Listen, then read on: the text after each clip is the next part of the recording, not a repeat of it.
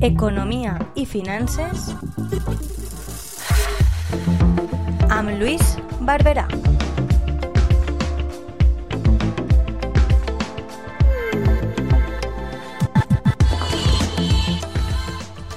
Hola de nuevo amigos y amigas de esta sección de Economía y Finanzas de la Tegua Radio.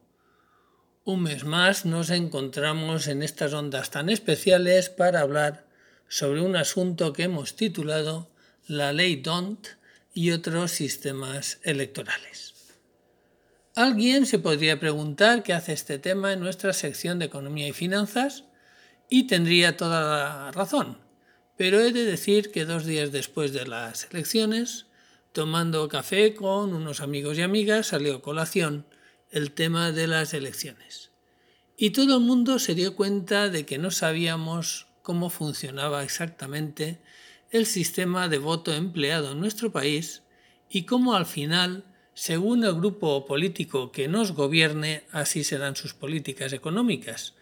Por tanto, vamos a comentar algo sobre la ley DONT, y sobre otros sistemas electorales. En este mundo nuestro, donde existen, si no me equivoco, 211 estados independientes y territorios semiautónomos, existen multitud de sistemas de votación. El MR o mayoría relativa, que por ejemplo se utiliza en 68 naciones, entre ellas la India o los mismos Estados Unidos. En este sistema obtiene el triunfo el candidato con mayor número de votos, aunque sea por un voto. El RP o representación proporcional, utilizado en 66 países, entre ellos Indonesia y algún que otro país europeo, aquí son los porcentajes los que determinan el número de escaños a asignar el DV o doble ronda, que tiene varias variantes y que es utilizado en países como Francia, para entenderlo es como si en la primera vuelta se votara con el corazón y si tu partido no es de los dos primeros, hay una segunda vuelta en la que puedes votar al que pienses que puede acercarse a tus ideales. El paralelo que utilizan Rusia y Japón, que es un sistema de votación mixto, que combina el escrutinio, el escrutinio uninominal mayoritario con la representación proporcional, el VB o voto en bloque, este es simplemente utilizar la mayoría relativa, donde se puede votar por candidatos individuales sin tener en cuenta afiliación partidaria alguna. El RPP o representación proporcional personalizada, que eh, solo emplean siete países en el mundo, pero muy diferentes, y son Alemania, Venezuela, Nueva Zelanda, México, Italia, Bolivia y Hungría. Aquí una proporción del Parlamento es elegida por mayoría simple en distritos y el resto por las listas. El VOT, voto único transferible, utilizado por Irlanda o Malta, en este sistema no se depende de la existencia de partidos políticos, el VA o voto alternativo, que por ejemplo utiliza Australia y creo que ningún país más, trata sobre quién mandará por mayoría absoluta y se van repitiendo hasta que alguien la consigue. O el Bund, voto único no transferible, que utilizan países como Jordania, que es una representación proporcional donde cada elector tiene un voto y ganan los candidatos con mayor número de votos. Nosotros en España utilizamos la ley DONT que inventara un señor belga a finales de 1800. Es un sistema proporcional. El partido que no obtenga un mínimo del 3% del total de votos es excluido automáticamente. Los candidatos se ordenan de mayor a menor por número de votos recibido. A partir de ahí, el resultado va dividiéndose por 2, por 3, por 4, por 5 y así sucesivamente hasta cubrir el número de escaños que se van asignando por el mayor resultado. En nuestro caso se utilizan las provincias y el número de escaños es determinado por la población residente en cada una de ellas. Con ello se intenta que tenga representación nacional cualquier minoría. Esto es algo loable y teóricamente perfecto, hasta que determinados resultados de mucha continuidad en el tiempo en el caso español demuestran que a veces esas minorías son tan necesarias para la constitución de un gobierno que direccionan la política del país en un grado muy superior a lo que son el número de sus votos. Por tanto, hay determinadas fuerzas que pretenden modificar la ley o aplicar otros sistemas, pues aducen que cientos de miles de votos a nivel nacional se pierden ante un número a veces insignificante de votos resultantes en una provincia. Este es un sistema claramente bipartidista, aunque pretenda también sobreponderar el peso de las zonas menos pobladas. Por eso creo yo que cuesta tanto a los grandes partidos políticos modificar este sistema electoral. Por ejemplo, en nuestras elecciones generales hay 350 diputados y 52 circunscripciones o provincias.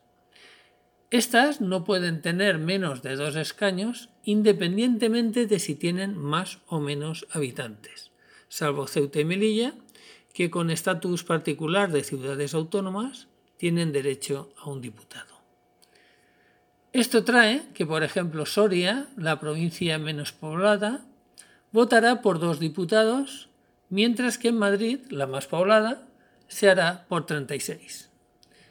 La consecuencia es que se necesitarán 100.595 votos para lograr un diputado en Madrid, mientras que en Soria solo harán falta 26.105 votos. Así que partidos que tengan repartidos sus votos en varias circunscripciones pueden obtener muchos menos escaños que un partido con mucho apoyo en una sola provincia. Ejemplo claro en autonomías como País Vasco o Cataluña. Así que los contrarios a este sistema opinan que si cada ciudadano es un voto, en, en este sistema no es así y por tanto aceptan que haya que apoyar de alguna manera a esas minorías políticas, pero no a cambio de los centenares de miles de votos que se pierden, e incluso dándose el caso de que partidos a nivel nacional, aun obteniendo gran cantidad de votos, queden en escaños por debajo de dichas minorías. Para aclarar esto, vamos a intentar poner un ejemplo lo más claro posible sobre la mecánica de este sistema de votaciones que aplicamos en nuestro país. Imaginemos por un momento cuatro partidos políticos que van en busca de cinco escaños que tiene asignada una provincia y que ha habido un total de 100.000 votos válidos. Y que el primer partido haya conseguido 50.000 votos, el siguiente 30.000, el tercero 18.000 y el cuarto 2.000. Automáticamente el cuarto partido, que no llega al 3% del total de votos, desaparece. Y se procede a dividir por dos el número total de cada uno de los tres partidos restantes, que quedaría en 25.000, 15.000 y 9.000. Si lo pudiéramos ver en un gráfico, nos daríamos cuenta que al primer partido, por el hecho de haber conseguido 50.000 votos, le correspondería un escaño. La siguiente cantidad más alta sería el segundo partido, que en esa primera ronda tiene esos 30.000 votos, que también le correspondería un escaño. Cuando miramos las cantidades, nos damos cuenta que el tercer partido, que recibió 18.000 votos, está por debajo de dividir 50.000 del primero por 2. Luego, al ser 22.000, eh, perdón, 25.000 votos, esa división, le correspondería al primer partido otro escaño. Luego el tercer escaño iría a ese primer partido. ¿Y qué pasaría, por ejemplo, con el segundo al dividir esos 30.000 entre 2? Que quedaría en 15.000. Por tanto, el cuarto escaño le correspondería al tercer partido que consiguió en su momento 18.000 votos. Y el quinto va al segundo partido por esos 15.000, que sería el número 5 por, digamos, por escala. Es un poco complicado, pero eh, en una tabla se ve muy fácil y se eh, veríamos, por resumir, que esos 50.000, el primer partido, tendría por los 50.000 y por la división de 50.000 entre dos, que serían 25.000. Por lo tanto, tendría esos dos escaños. El segundo partido por sus 30.000 y por la división en 15.000 que quedaría. Tendría su segundo. Y el tercero eh, partido tendría su diputado por los 18.000. ¿Por qué? Porque el resto de cantidades serían 12.500, 9.000, 7.500 y 4.500. ¿Vale? Eh, digo que es un poco complicado de no verlo, pero si tuviéramos el gráfico estaría clarísimo. Bien, espero que lo hayáis entendido. En fin, los que aducen que este sistema se debería cambiar al no ser igualitario el voto de un español por otro, tienen su parte de razón, pues aparte de la gran diferencia para conseguir un escaño de una provincia a otra, hemos puesto el ejemplo antes de Madrid con 100.000 y pico y Soria con 26.000 y pico, también se pierden en el camino multitud de votos al asignar escaños. Si comprobamos el ejemplo usado, con 50.000 votos el primer partido tendría dos escaños, 30.000 votos del segundo recibiría también dos escaños y el tercero con 18.000 un escaño. Por tanto, el segundo, por ejemplo, con un diferencial de menos 20.000 votos en relación al primero, tiene el mismo número de escaños, dos.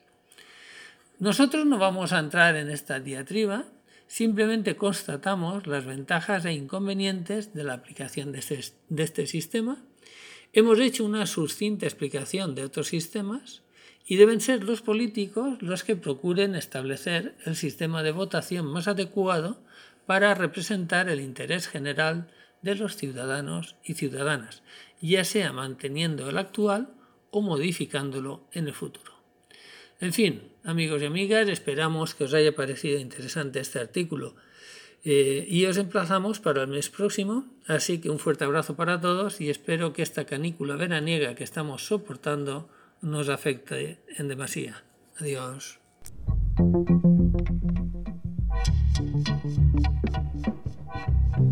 Economia i finances amb Lluís Barberà.